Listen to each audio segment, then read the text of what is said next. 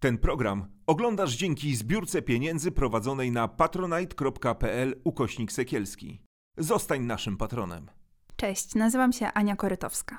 Cześć, nazywam się Julia Niemiec. W programie Polki słuchamy kobiet żyjących w Polsce tu i teraz.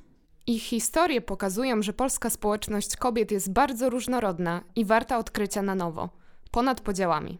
Dzień dobry Państwu, dzień dobry Kamila. Witamy w kolejnym odcinku programu Polki i zapraszamy do wysłuchania naszej rozmowy. Bohaterką dzisiejszego odcinka jest Kamila Dudkiewicz, redaktor naczelna bloga Muzułmanka w świecie, e, wolontariuszka w Islamskim Centrum Kultury w Krakowie, aktywistka i muzułmanka. A może powinnam powiedzieć przede wszystkim muzułmanka?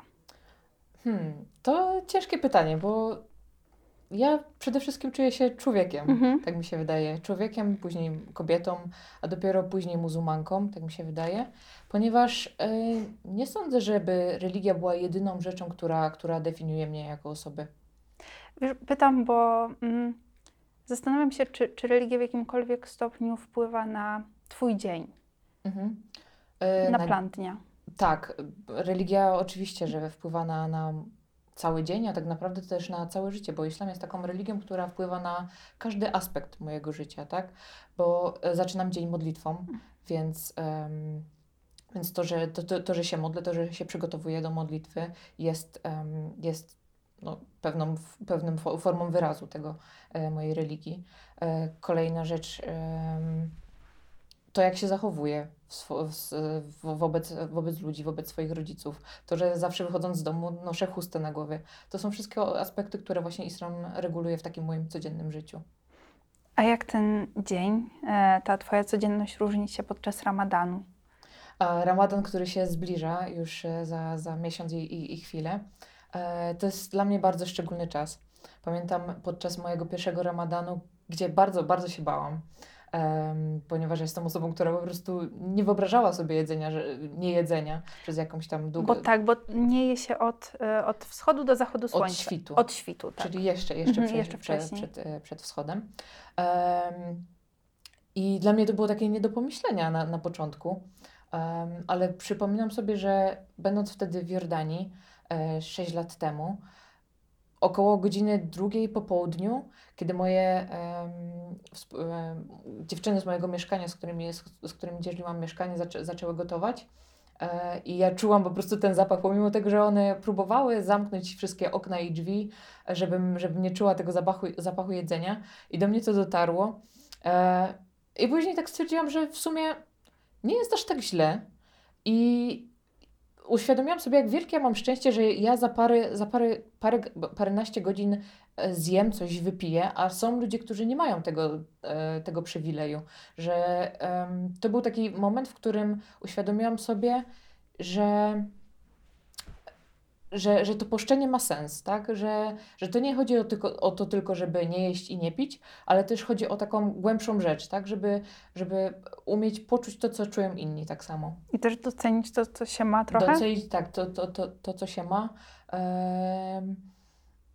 I też oddać się takiemu właśnie jak najbardziej duchowemu, e, duchowym przeżyciom, żeby przypominasz sobie wtedy, że e, nie jest, nie człowiek e, żyje, żeby jeść, ale je, żeby żyć. I wtedy się o wiele, o wiele bardziej docenia właśnie to, co się ma. No właśnie w Jordanii, o której już wspomniałaś, wszystko się zaczęło, tak? Czyli, e, czyli Twoje odkrycie islamu. Gdybyś mogła nam opowiedzieć trochę o tej drodze do religii. Tak, w Jordanii e, byłam wolontariuszką na European Voluntary Service e, i pracowałam z uchodźczyniami palestyńskimi. E, pracowałam tam w obozie Gaza e, w mieście Dżerasz i e, patrząc na te kobiety, e, uświadomiłam sobie, czym islam tak naprawdę jest, ponieważ jadąc do Jordanii miałam taką białą kartkę przed sobą. E, wiedziałam tylko takie jakieś pobieżne stereotypy, że, że, że, że Arabowie to terroryści, a że kobiety są źle traktowane. W Jordanii uświadomiłam sobie, że tak, że tak nie jest. Patrząc na te kobiety, z którymi, z którymi żyłam, z którymi pracowałam, które mieszkały w bardzo, bardzo strasznych warunkach, ponieważ obóz, który był stworzony pierwotnie dla iluś tam tysięcy ludzi, jest, um, mieszkało w nim chyba cztery albo pięć razy więcej ludzi niż, niż został stworzony dla, dla jakiejś tam liczby. Um, gdzie obóz dla uchodźców, którzy no, tak naprawdę 60 lat już są uchodźcami, gdzie um, gdzie już nie, nie powinni być uchodźcami, tylko nie, mieć swoje tak, miejsce, do, prawda? Dokładnie, że powinni mieć, mieć jakiś taki uregulowany status prawny, czy otrzymać jakieś obywatelstwo, czy mieć prawa takie jak, jak Jordańczycy, jak obywatele Jordanii. E, a oni nadal są w takim zawieszeniu. No i to jest takie miejsce, z którego trudno się niektórym wyrwać. I mom, e, moment, w którym asfalt się kończy, to jest moment, w którym zaczyna się obóz. Jak się tak wjeżdża takim malutkim busikiem, takim rozklekotanym, e, no to, to, to jest właśnie taki, e, to co zapadło mi najbardziej w pamięć, że kiedy się wysiada tam, gdzie się kończy asfalt. Um, I pomimo tego, że, że byłam w tym miejscu, gdzie rzeczywiście ludzie żyli bardzo, bardzo biednie, oni potrafili się cieszyć, cieszyć z życia. A ja przyjeżdżając z Polski, z kraju, gdzie się ciągle narzeka, zastanawiałam się skąd, skąd to się bierze. Um, więc um, wtedy one też zaczęły mnie pytać o wiarę. E, zapytały mnie o moją religię. Ja wtedy nie byłam, e, jak to się mówi, byłam e, wierząca, niepraktykująca. Mhm. E, ponieważ Kościół nigdy nie odpowiadał na moje pytania w pełni, na, na te pytania, które, które miałam. A jakie to były pytania? Jakie to były pytania? Przede wszystkim o trójce. Mhm. Nie, nigdy nie, nie przekonywało mnie, jak jeden może równa się, e, równać się trzy. E, jak to może być, że, że ktoś może być i człowiekiem, i, i Bogiem jednocześnie. Um, celibat w kościele mnie nie przekonywał. E, pedofilia, która, która, się, która się dzieje w, w Polsce, e, cała struktura i cała, cała ta organizacja tego, że ktoś musi być pomiędzy mną a Bogiem, że ktoś ma jakby taki lepszy dostęp do, do Boga, że ja muszę prosić kogoś, jakiegoś księdza, żeby, e, żeby on prosił Boga w mojej, w mojej intencji na przykład, albo spowiedź. Dlaczego człowiek, który, który również grzeszy, ma wybaczać moje grzechy albo ma je wysłuchiwać. Także to, to nie miało dla mnie żadnego sensu. Więc e, to był jeden aspekt.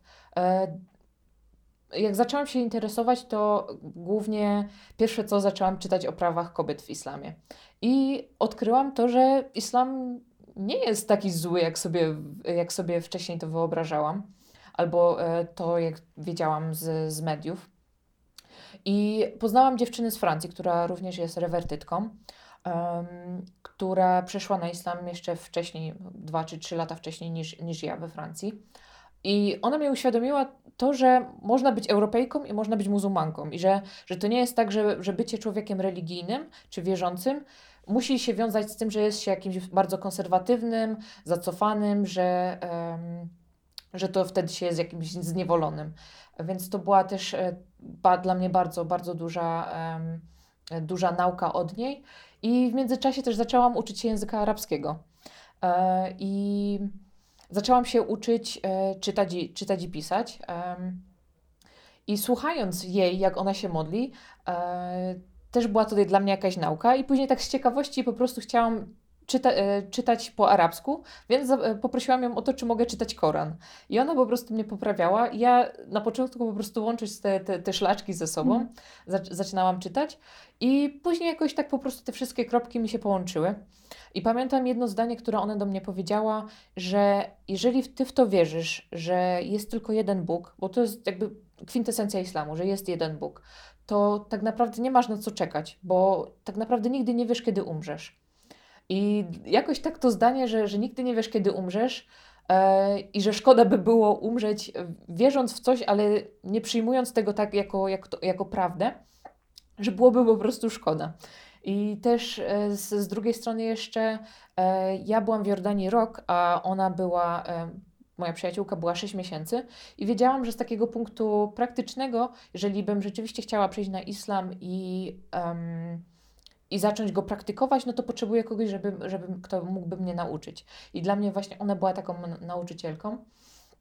E, I z takiego po prostu praktycznego punktu widzenia, żeby ona mogła mnie nauczyć jeszcze wtedy, kiedy ona była w Jordanii, no to postanowiłam, że, w momencie, kiedy ja rzeczywiście poczułam to, że, że to jest religia dla mnie, to już nie zwlekałam. I w zasadzie zajęło mi to trzy miesiące, żeby zdecydować się na to, że, że, żeby przejść na islam. Właśnie jak te kobiety, z którymi przebywałaś, tak naprawdę obce w Jordanii, um, jak to się stało, że one mogły aż tak wpłynąć na jednak Twój indywidualny wybór? To nas fascynuje. To, y, mnie też fascynuje to, jak, jak kobiety w, w, w takim obozie, obozie uchodźców ży, żyją. Um, ponieważ kobiety, które są najczęściej od stóp do głów zasłonięte, bardzo często też mają na, na, na twarzy niqab, E, które w momencie, kiedy przychodzą na zajęcia ze mną, to były zajęcia sportowe, które ściągają te wszystkie. wszystkie I ty prowadziłaś szaty. te zajęcia tak, sportowe? Tak, ja prowadziłam zajęcia, zajęcia sportowe, jakieś tam um, zumbę, tak, takie mhm. rzeczy. Um, ściągają te wszystkie zasłony, puszczają arabską muzykę, zaczynają się ruszać i dla mnie to był taki, taki, taki duży, duży szok. Um, i też to, że pomimo tego, że ja nie mówiłam po arabsku, one nie mówiły po angielsku ani oczywiście po polsku, e, potrafiły podejść do, do mnie z, tako, z, taką, z takim ciepłem, z taką troską i widać było, że to nie było jakieś takie wymuszone albo, e, albo jakieś takie, no nie wiem, jakieś udawane, tylko one rzeczywiście jak mówiły o na przykład o, o Palestynie, której nigdy w życiu nie widziały, e, której w życiu ich dzieci nie będą widzieć, albo jak mówiły o islamie, o tym, że jak one się czują, po prostu sam ich wyraz twarzy i, i tak, ta, taka radość. dla mnie to było właśnie jakieś takie szokujące, pomimo tych wszystkich trudności, które one, które one, e, z którymi one się mierzą w życiu. Powiedziałaś, że człowiek wierzący, człowiek religijny e, nie musi być zniewolony. Mhm. Czy ty się czujesz wolna? Tak, tak. Ja myślę, że myślę, że tak. Nie wiem, jak to skomentować, ale myślę, że tak. Czyli masz taką pewność, tak, że Bóg daje tobie wolność. Tak. I, wiem, że, wiem, że to może brzmieć dziwnie dla, dla, dla wielu ludzi, um, ale dla mnie w momencie, kiedy ja miałam 18 e, lat, przechodząc na islam, byłam osobą taką bardzo szukającą swojej drogi. Um, I te zasady, które zaoferował mi islam, by, były dla mnie bardzo proste i, i logiczne. Że żyjemy w czasach, gdzie po prostu jakby ludzie zmieniają prawo i jakby to prawo zmienia się dla, dla, dla, dla ludzi. E, a w islamie jest tak, że są pewne rzeczy, które są takie niezmienione i które są stałe i które bardzo mi pomogły jako osobie też urosnąć, ponieważ ja dzięki islamowi um, zaczęłam bardziej szanować swoich rodziców. Um, A czy twoi rodzice, że, że tak mhm. dopytam, e, bo zostałaś wychowana jako chrześcijanka, czy twoi rodzice przeszli też na islam, czy... Nie, nie. Moi nie. rodzice są e, nadal chrześcijanami, mhm. ale aczkolwiek e, zaakceptowali mhm. w 100% moją decyzję. Czyli też, też właśnie mówisz o tym szacunku, to, to bardzo ładne jest takie. I myślę, że wa ważne, żeby e, pamiętać o tym. Ale czegoś brakowało, tak jak powiedziałaś, że Mm, to, co dał ci islam, mhm. wypełnił pewną jakąś pustkę w tym poszukiwaniu, e, które miałaś jako taka młoda osoba. Czego jeszcze brakowało wtedy? Hmm. Szczerze powiedziawszy, już nie pamiętam, bo to jest, e, to jest jednak 6 lat, e, ale wiem, że bardzo znalazłam bardzo dużo spokoju, takiego w, so, w sobie wewnętrznego, że w momencie, kiedy ja na przykład e, rozwijam swój dywanik i, i, zaczynam się modlić, to ja po prostu czuję, czuję spokój. Pamiętam też, e, kiedy jeszcze decydowałam się na tym, e, na tym, czy przejść na islam, czy nie, e, z jednym z lokalnych wolontariuszy, kiedy rozmawialiśmy, on przesłał mi na WhatsAppie nagranie i powiedział mi, załóż sobie słuchawki przed snem, jak, już jak weźmiesz prysznic, będziesz w łóżku, załóż sobie słuchawki i po prostu e, przesłuchaj tego. I on przesłał mi kawałek właśnie nagrania z Koranu, e, recytacji. I ja pamiętam po prostu jak dzisiaj, że ja w tym momencie miałam drgawkę, e, e, dreszcze, dreszcze, dreszcze, tak. dreszcze i gęsią skórkę. I dla mnie to było tak silne uczucie, że dla mnie to było naprawdę, tak, to był ten moment, w którym ja już nie mogłam stwierdzić, że to mnie całkowicie nie, nie, nie obchodzi, nie interesuje, że ja mogę jakoś się przed tym obronić. Dla mnie to było po prostu silniejsze niż, niż jakiekolwiek słowa, czy jakiekolwiek przekonywanie, bo ja jestem osobą bardzo przekorną. Ja wiem, że jeżeli ktoś na przykład zacząłby mnie przekonywać, że islam jest taki czy inny, czy, czy jest taką wspaniałą religią, czy, czy, czy cokolwiek. Ja wiem, że ja na pewno bym na to nie przeszła, ale w momencie, kiedy ja e, obserwując ludzi właśnie, obserwując to, jak ja się czuję w tej, e, przy, tej, przy ludziach, którzy wyznają tą religię, to ja wiedziałam, że po prostu to jest droga, droga dla mnie. Czyli to była świadoma, świadoma decyzja, którą podjęłaś. E, ale z tej Jordanii wróciłaś do Polski. E, do Polski, gdzie jednak e, no, taką dominującą religią jest, jest katolicyzm. Wyznawcy islamu są mniejszością. Spotykasz się z niezrozumieniem? Na każdym kroku. I komentarze, i czasem agresja słowna, czasem też agresja fizyczna. Agresja fizyczna. Tak, tak, tak, tak. Zdarzyło się, zdarzyło się jakieś, um, zdarzyło się, że ktoś mi z, zdjął chustę z, z głowy. E, że też miałam ją zawiązaną w ten sposób, jak, jak turban, czyli e, jest to łatwiejsze niż, e, niż żeby to po prostu jakby miała ją zawiązana pod szyją. Zdarza się to, że ktoś na przykład krzyczy Allahu Akbar za mną, albo zdarza, zdarzyło się w, w tramwaju, że ktoś tam krzyczał. No jakby z góry ludzie często zakładają, że nie jestem Polką, więc ktoś krzyczał o Polish White Power. E, ktoś, jakaś para mi mówiła, że to jest Polska, kraj katolicki, wysiadając z tramwaju, no i po czym też szczęka gościowi opadła, kiedy ja odpowiedziałam po polsku, że mhm. to jest Polska, jestem w Polsce, jestem Polką. Um, zdarzyło się, że na wsi, gdzie, gdzie mieszkam, um, na opuszczonym budynku obok mojego domu ktoś też nam napisał sprayem bardzo niecenzuralne słowa, których nie chciałam tutaj powtarzać. I to jest akurat zabawna o tyle historia, że, że, że ten budynek, na którym um, te niecenzuralne e, słowa w, w kierunku um, Allaha, czyli Boga, po prostu po arabsku Boga, zostały napisane na, na budynku, który jest naprzeciwko kościoła. Y, czyli jakby ludzie w Polsce też bardzo mają małą świadomość, co oni krzyczą, albo co oni, co oni myślą, co oni wiedzą o tej religii. No bo, um, no bo krzycząc y, Allahu Akbar, no to jakby Bóg jest wielki, no to w, nie wiem, no w, kat w katolicyzmie pewnie też można by było coś, e, coś podobnego znaleźć, nie wiem, że Bóg jest wszechmogący. Czy, e, czy Allah to jest po prostu Bóg? I jak można, nie wiem, na przykład e, napisać, nie wiem, czy mogę używać tu przekleństw. Śmiało. Jebać Allaha, ale nikt nie powiedziałby z, kat z katolików jebać Boga. I, i, I, ludzie nie zdają sobie z tego, z tego sprawy. A czy to w takim razie właśnie m, mm, tak naprawdę na etapie wchodzenia w tę religię, tak, po powrocie z Jordanii, nie zniechęciło Cię? Na pewno jakiś tam szok e, taki powrotny był, bo ja e, pojechałam na wolontariat w momencie, kiedy skończyłam liceum. I wracając do Polski, e, musiałam zmienić tak naprawdę większość ze znajomych, bo ze znajomymi, którymi, z którymi się e, przyjaźniłam wcześniej, e, no to to były taka imprezowe, imprezowe towarzystwo. Czyli byłaś imprezowiczką przed tak, tym. Tak, byłam, A teraz? byłam e, też, ale w inny sposób. E, więc to było takie bardzo imprezowe towarzystwo, z którymi po prostu też było dużo alkoholu i takich, takich wychodzenia do pubów. E, więc ja wiedziałam, że ja już z tego będę, zrezygnowałam z tego i nie chciałam tego robić. E,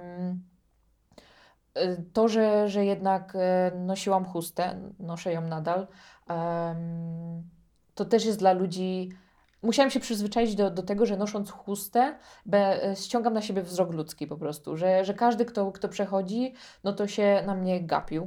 Um, i później zaczęło być taka, taka fala też hejtu na uchodźców syryjskich, gdzie była ta, ta fala emigracji um, uchodźczej, i wtedy to te, te spojrzenia takie, czasem, które były takie ciekawe, czasem, które były neutralne, zamieniły się na takie spojrzenia wrogie. Że to nie było tak, że ktoś po prostu na mnie patrzył, tam, nie wiem, tak jak się patrzy na kobietę w ciąży, na, tak, na człowieka, na, na, na wózku, że po mhm. prostu ktoś jest w jakiś tam sposób inny, to te spojrzenia zamieniły się na takie spojrzenia z wrogością. Że ktoś się patrzy i po prostu tak prowokuje, że na przykład jeszcze, jeszcze przechodzi, ale jeszcze się patrzy.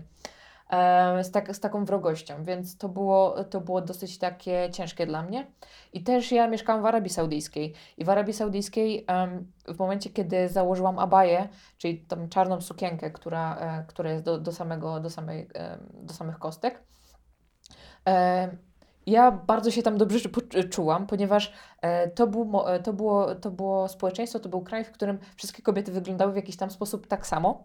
I dla mnie na przykład to był duży komfort, że, że w końcu nie zwracam na siebie uwagi. Ale po siedmiu miesiącach w Arabii Saudyjskiej, kiedy wróciłam do Polski, jeszcze było dla mnie to cięższe niż po powrocie z Jordanii. E, bo, no bo już wiadomo, nie nosiłam, nosiłam normalne polskie ubrania i, i ten wzrok jeszcze bardziej był dla mnie taki, taki przeszywający. No ale do tego się po prostu trzeba, trzeba przyzwyczaić i ja tego na, na, e, na tym momencie, w tym momencie już nie zauważam. Często jak ludzie, moi znajomi nie muzułmańscy ze mną chodzą, po raz na przykład pierwszy, to jest jakiś nowy, nowy znajomy, znajoma, E, to mówię im właśnie, żeby zwrócili uwagę, jak się ludzie będą na nas gapić. I oni naprawdę e, zauważają to i, i mówią, że ty tak e, żyjesz każdego dnia, że ludzie się tak na ciebie gapią. Mówię, no tak, przyzwyczaiłam się. A może to, to pytanie, które teraz zadam, zabrzmieć jakoś tak ba banalnie, ale e, no bo tak jak mówiłaś, tam nosiłaś tę długą suknię, teraz nosisz tylko hijab. E, czy właśnie, czy to się wybiera?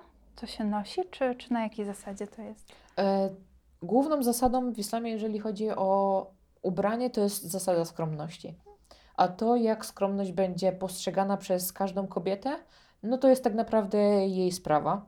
I y, tutaj mogę powiedzieć, że to też jest bardzo związane z, religijnością. Także w momencie, kiedy ktoś e, jest jakby tak bardziej praktykujący, nie wiem, spędza o wiele więcej czasu ucząc się o religii, czy, czy, czy zapamiętując Koran, to też jakby te przestrzeganie tych, tych zasad um, jest takie po prostu bardziej, bardziej świadome i się to bardziej wybiera. I też tutaj mo można wspomnieć o tym, że, że, że wiara to nie jest też taka linia prosta, że to jest tak, że, że jakby wszyscy muzułmanie, muzułmanki przechodzą przez, przez czasy, gdzie jest im ciężej, gdzie jest im łatwiej, gdzie, gdzie są w jakiejś tam um, lepszej nie duchowej kondycji. Duchowej kondycji, że, że gdzieś jest tak, taka społeczność, która, która, dzięki której mo mogą łatwiej praktykować tą, tą wiarę. I są momenty, w których na przykład, nie wiem, ktoś przestaje się modlić, na jakiś czas, nadal, nadal wierzy, wierzy w Boga, wierzy w islam, ale na przykład przestaje się modlić albo nie robi nic więcej niż, niż to odbębnienie modlitwy, więc to nie jest tak, że każdy, każdy muzułmanin um, jest na takim, samym, e, na takim samym poziomie religijności. Ale jeżeli chodzi o, o kobiety, o noszenie hijabu, to, um, no to to jest jakby w, prakty, w, jakby w teorii to jest nasz, nasz wybór e, osobisty. Oczywiście w są na pewno jakieś, y, są na pewno społeczności w jakichś krajach bardziej konserwatywnych, gdzie, gdzie to jest jakoś narzucone, ale to się nie, nie dzieje w Polsce raczej. W Polsce raczej powiedziałabym, że jest w drugą stronę, że kobiety na przykład e, znam wiele historii, gdzie kobiety, które mieszkają na przykład na zachodzie Europy i noszą tam hijab, przyjeżdżając do Polski zdejmują go, bo się po prostu boją.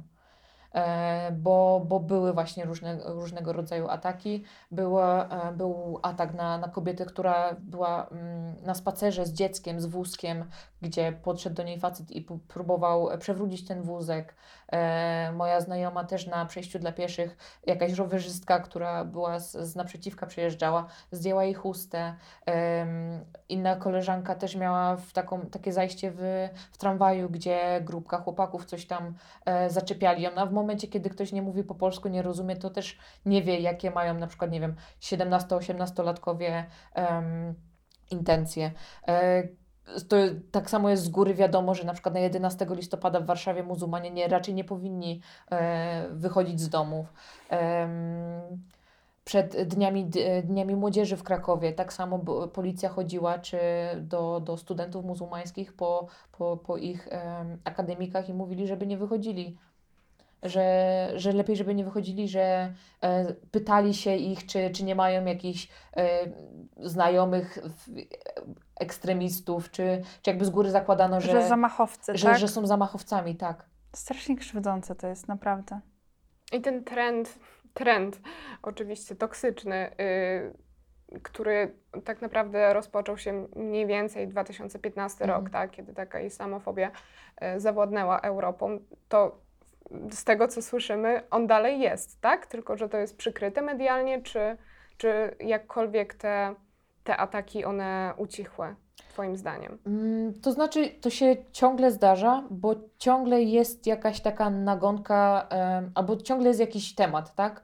Bo e, nie wiem, em, niedawno mieliśmy o banie nikabu w Szwajcarii. Em, I oczywiście można by to było, nie wiem, jakieś polskie media mogłyby to przedstawić w jakiś tam sposób neutralny, ale lepiej jest i bardziej sprzeda e, sprzedawalnie, żeby, żeby określić takim, takim komentarzem, że, e, że, że, to, że to lepiej. Chociaż pomimo tego, że od, od roku wszyscy zasłaniamy twarze maseczkami i nie ma z tym żadnego problemu, ale problem jest w tym, jeżeli to jest niqab. Albo teraz Francja e, zakazała uboju ryt, rytualnego, albo ma w planach, e, nie wiem, nie wiem na jakim to jest etapie, ale to jest po prostu wszystko takie targetowanie, targetowanie muzułmanów.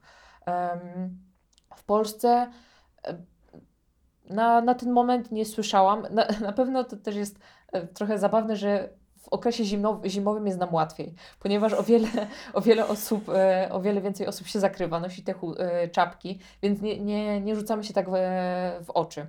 E, Ale jakby to jest też takie e, systemowe, też bym powiedziała, że, że jest e, dużo takich, takich rzeczy, które, em, które, które przes- przeszkadzają nam w jakiś tam sposób, tak? Bo na przykład w Krakowie, em, w Krakowie parę lat temu była taka inicjatywa, że, że proszono Urząd Miasta o udos- udostępnienie budynku na budowę meczetu, na przekształcenie go w meczet. Nie było takiej zgody. Na przykład ja w momencie, kiedy zaraz jak wróciłam e, do Polski i chciałam znaleźć jakąkolwiek pracę, e, bo no, jako studentka chciałam się za- zatrudnić w McDonaldzie albo w KFC, to też mi powiedziano, że, że przez to, że noszę chustę, to nie mogę. Gdzie to też było dla mnie jakieś tam, że, że to jest po prostu... To jest dyskryminacja po prostu. No jakby oni się wytłumaczyli to, tym, że, że sanepid, że, że bezpieczeństwo, że, że coś tam, że coś tam, no, Ale, ale, ale skoro masz zakryte włosy, to chyba nawet to nawet bezpieczniej, no, prawda? tak, tak, że, że to dałoby się jakoś tam w jakiś tam sposób obejść, bo to nie musi być zawsze taka, nie wiem, chusta, która będzie mnie zakrywać do, do pasa i, e, i nie wiem, że jest jakieś tam niebezpieczeństwo, że wpadnie do oleju i się zapali. No, tak jak teraz No, nawet jesteś tak jak- ubrana, prawda? Dokładnie, dokładnie. Więc to jest, to jest, są sposoby na to, żeby, żeby takie rzeczy, takie rzeczy obejść. Też dużo y, mam znajomych, którzy pracują gdzieś tam na przykład w korporacjach i jest bardzo, y, czasem są stygmatyzowani tym, że nie piją alkoholu. I że, że często jest tak, że, że mm, ktoś jak mówi, że nie pije alkoholu przez względu na li- religię, to też jest jak, w jakiś tam sposób na przykład wyśmiewany. A alkohol jest zakazany zupełnie, czy? Tak, tak. alkohol jest zupełnie zakazany. To dlatego teraz mówiłaś, że, że inaczej imprezujesz. Tak. I jak wyglądają teraz imprezy? Em, to znaczy imprezy e, na pewno są w, mieszane. Nie są mieszane, przepraszam, że, że mm, kobiety, ja jako kobieta e, imprezuję tylko w, gro, w gronie kobiet. Em, ale tak naprawdę em, nie różni się od, te, od żadnego Takie innego. babskie wieczory po Babskie prostu. wieczory, tak, więc tutaj jakby nie ma za, za bardzo o czym, o czym mówić.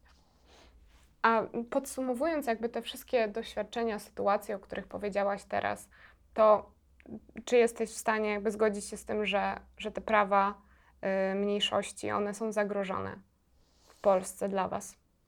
Ja myślę, że problemem jest w, w Polsce to, że nie mamy takiej reprezentacji politycznej. Tak, bo z jednej strony mamy, nie wiem, partie gdzie, prawicowe, które mm, forsują to prawo jakieś, żeby było jak najbardziej katolickie, e, żeby była matura z religii, e, że, że Polska tylko biała i chrześcijańska. I tutaj no, jest taki dyskomfort, pomimo tego, że jakby te konserwatywne w jakiś tam sposób prawa w większości muzułmanom mogłyby odpowiadać. Tylko, że tu jest tylko ukierunkowane na katolicyzm. tak, na katolicyzm i na to, żeby pompować kasę w kościół i, i e, fi- figury pewne kościelne. A z drugiej strony na przykład mamy, nie wiem, lewi, le, partie lewicowe, gdzie mm, no to tutaj jest większy, większy problem dla em, bardziej konserwatywnych muzułmanów, jeżeli chodzi na przykład o, em, o prawa LGBT na przykład, czy o ubój rytualny, gdzie, gdzie partie lewicowe są raczej, raczej przeciwne. Więc no tutaj ciężko, ciężko jest tak znaleźć sobie e, swoją, swoją grupę jakichś e, zwolenników czy, czy sprzymierzeńców. Mówiłaś o osobach e, LGBT. Jaki islam ma podejście? E, ja nie chciałabym się na tym po, Rozumiem. wypowiadać, Jasne. bo ja nie znam się po prostu na tym. Mhm. A czy ty jako kobieta, Polka, muzułmanka, mieszkająca y, tutaj, poczułaś się może zagrożona w swoich prawach mm, na podstawie wydarzeń z ostatnich miesięcy? I mam tu na myśli wyrok Trybunału Konstytucyjnego, strajki kobiet, e, pracę w Sejmie nad projektem ustawy, która miałaby wypowiedzieć e, konwencję Konwencję. stambulską, którą wypowiedziano w Turcji raptem 2-3 dni temu. Czy poczułaś się zagrożona jako kobieta? Tak, i to przede wszystkim jako kobieta i później dopiero jako, jako muzułmanka, ponieważ ja sądzę, że, mm, że Kościół czy, czy religia i, i państwo to powinny być dwie osobne rzeczy i nieważne, czy bym mieszkała w, w kraju, który, e, w którym dominują muzułmanie czy, czy chrześcijanie. Moja wolność kończy się tam, gdzie zaczyna się wolność drugiej osoby. I um, i to, że ktoś chce decydować o mojej cielesności, o tym, um, o tym, co ja mam zrobić ze swoim ciałem, no to jest dla mnie bardzo szokujące, bardzo niekomfortowe. Też brałam udział w protestach. E, I tu jest bardzo dużo gniewu we mnie, jeżeli chodzi o takie rzeczy. I też bardzo dużo gniewu pojawiło się we mnie, kiedy, mm, kiedy media porównywały Polskę teraz do krajów y, y, islamskich, krajów, krajów muzułmańskich bo prawo muzułmańskie dotyczące aborcji jest e, notabene bardziej liberalne, bo są uczeni muzułmańscy, którzy mówią, że e, aborcja jest całkowicie legalna, dopóki dopóki zarodek nie stanie się człowiekiem, a zarodek staje się człowiekiem w momencie, kiedy ma duszę. I to też jest, e, nie pamiętam po ilu tygodniach, teraz dokładnie, bo nie, chcia, nie chciałabym skłamać, ale że, że, że dopiero wtedy, kiedy anioł e, tchnie duszę w człowieka, w zarodek, to wtedy staje się człowiekiem i, i dopiero wtedy nie można by było dokonać aborcji. A niektóre media na przykład porównywały, że, że, że Polska jest teraz jak, jak, jak właśnie któryś z krajów muzułmańskich, gdzie, gdzie to po prostu nie jest prawda, gdzie to są powielane jakieś takie stereotypy, które są bardzo, bardzo krzywdzące.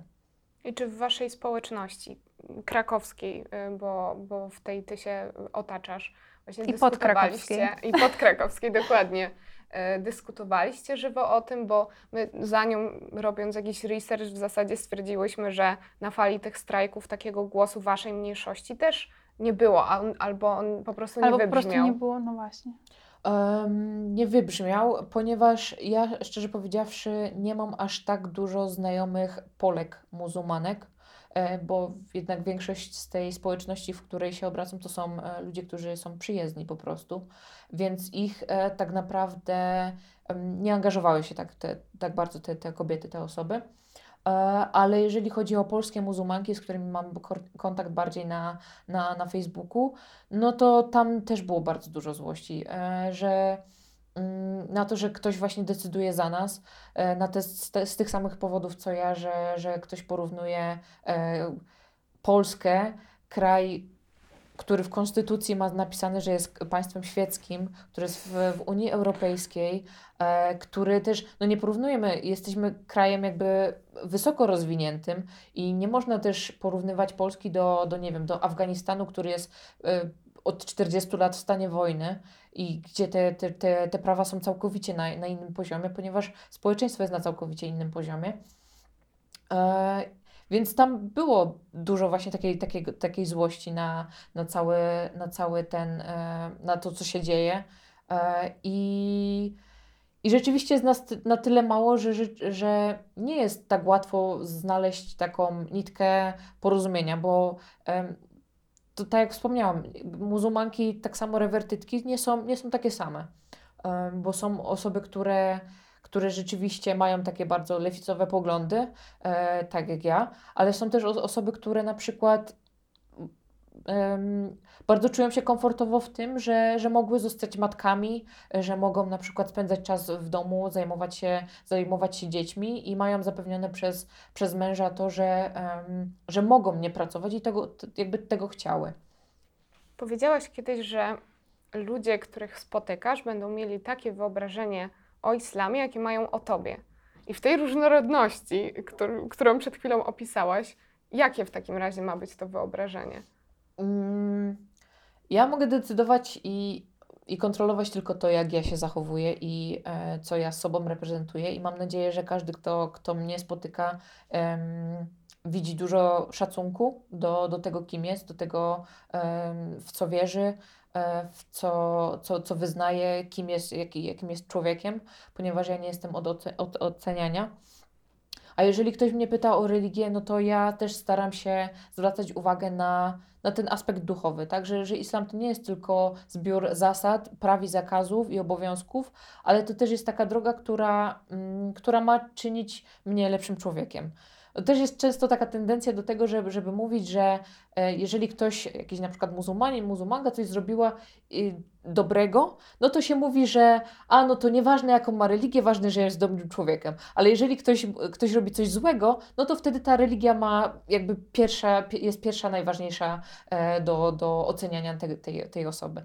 I ja staram się nie robić te, czegoś takiego i staram się też um, jakby kwestionować, zadawać, zadawać ludziom pytania. I też e, na przykład w swojej pracy, w swoim biurze zorganizowałam takie, e, takie, takie warsztaty. A czym się zajmujesz? E, ja tak zajmuję tak się księg księgowością, także e, i uczę się, um, uczę się projektowania zorientowanego na użytkownika, um, ale w biurze zorganizowałam warsztaty, gdzie moim takim głównym celem było to, żeby krytycznie myśleć.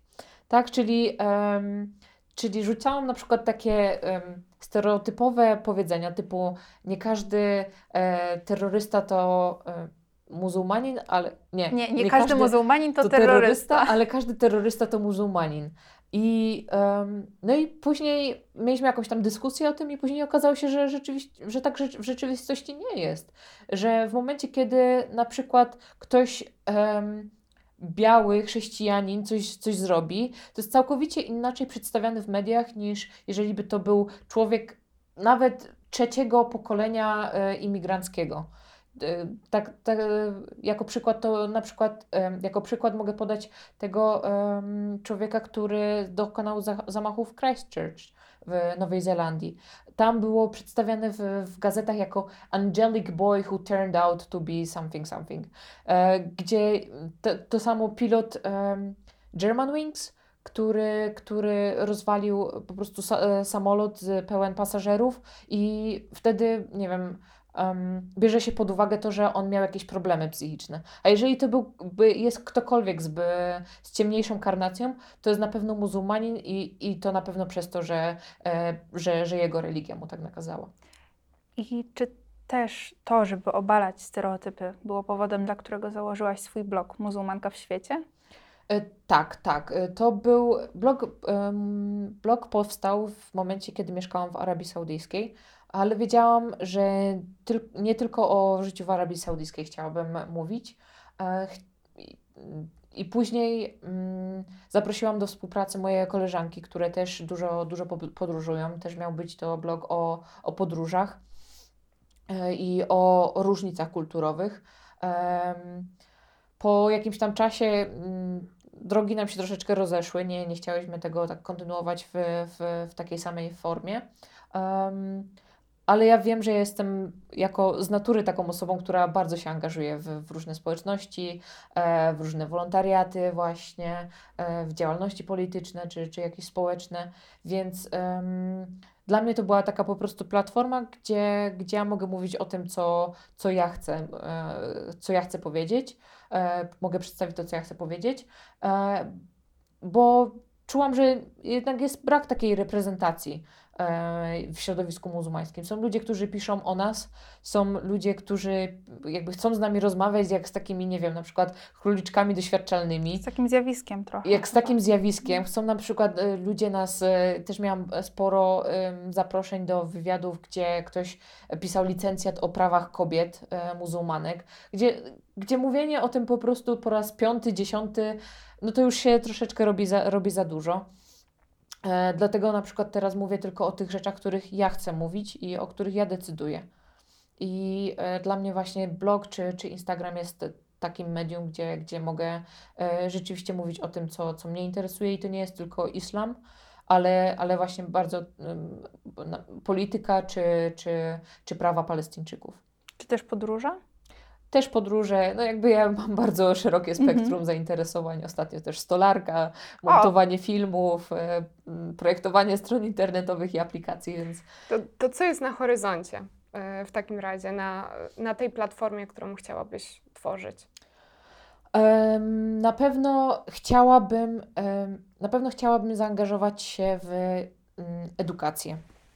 W, I o to już od paru lat, od tego, że, mm, że pojechałam na ten wolontariat, e, że brałam udział w, w różnych takich inicjatywach, że na przykład byłam w szkołach, czy, czy na przykład szkoły przychodziły do nas, do, do Centrum Muzułmańskiego, e, zdałam sobie sprawę z tego, że bardzo pasjonuje mnie taka edukacja pozaformalna że nie tylko ta, która siedzenie i, i klepanie z książek, jakichś tam informacji, ale to spotkanie z człowiekiem, spotkanie w ramach jakiegoś właśnie warsztatu, gdzie, gdzie, gdzie uczniowie nie siedzą tylko i wyłącznie w ławkach i słuchają jednej osoby, ale też rozmawiają ze sobą.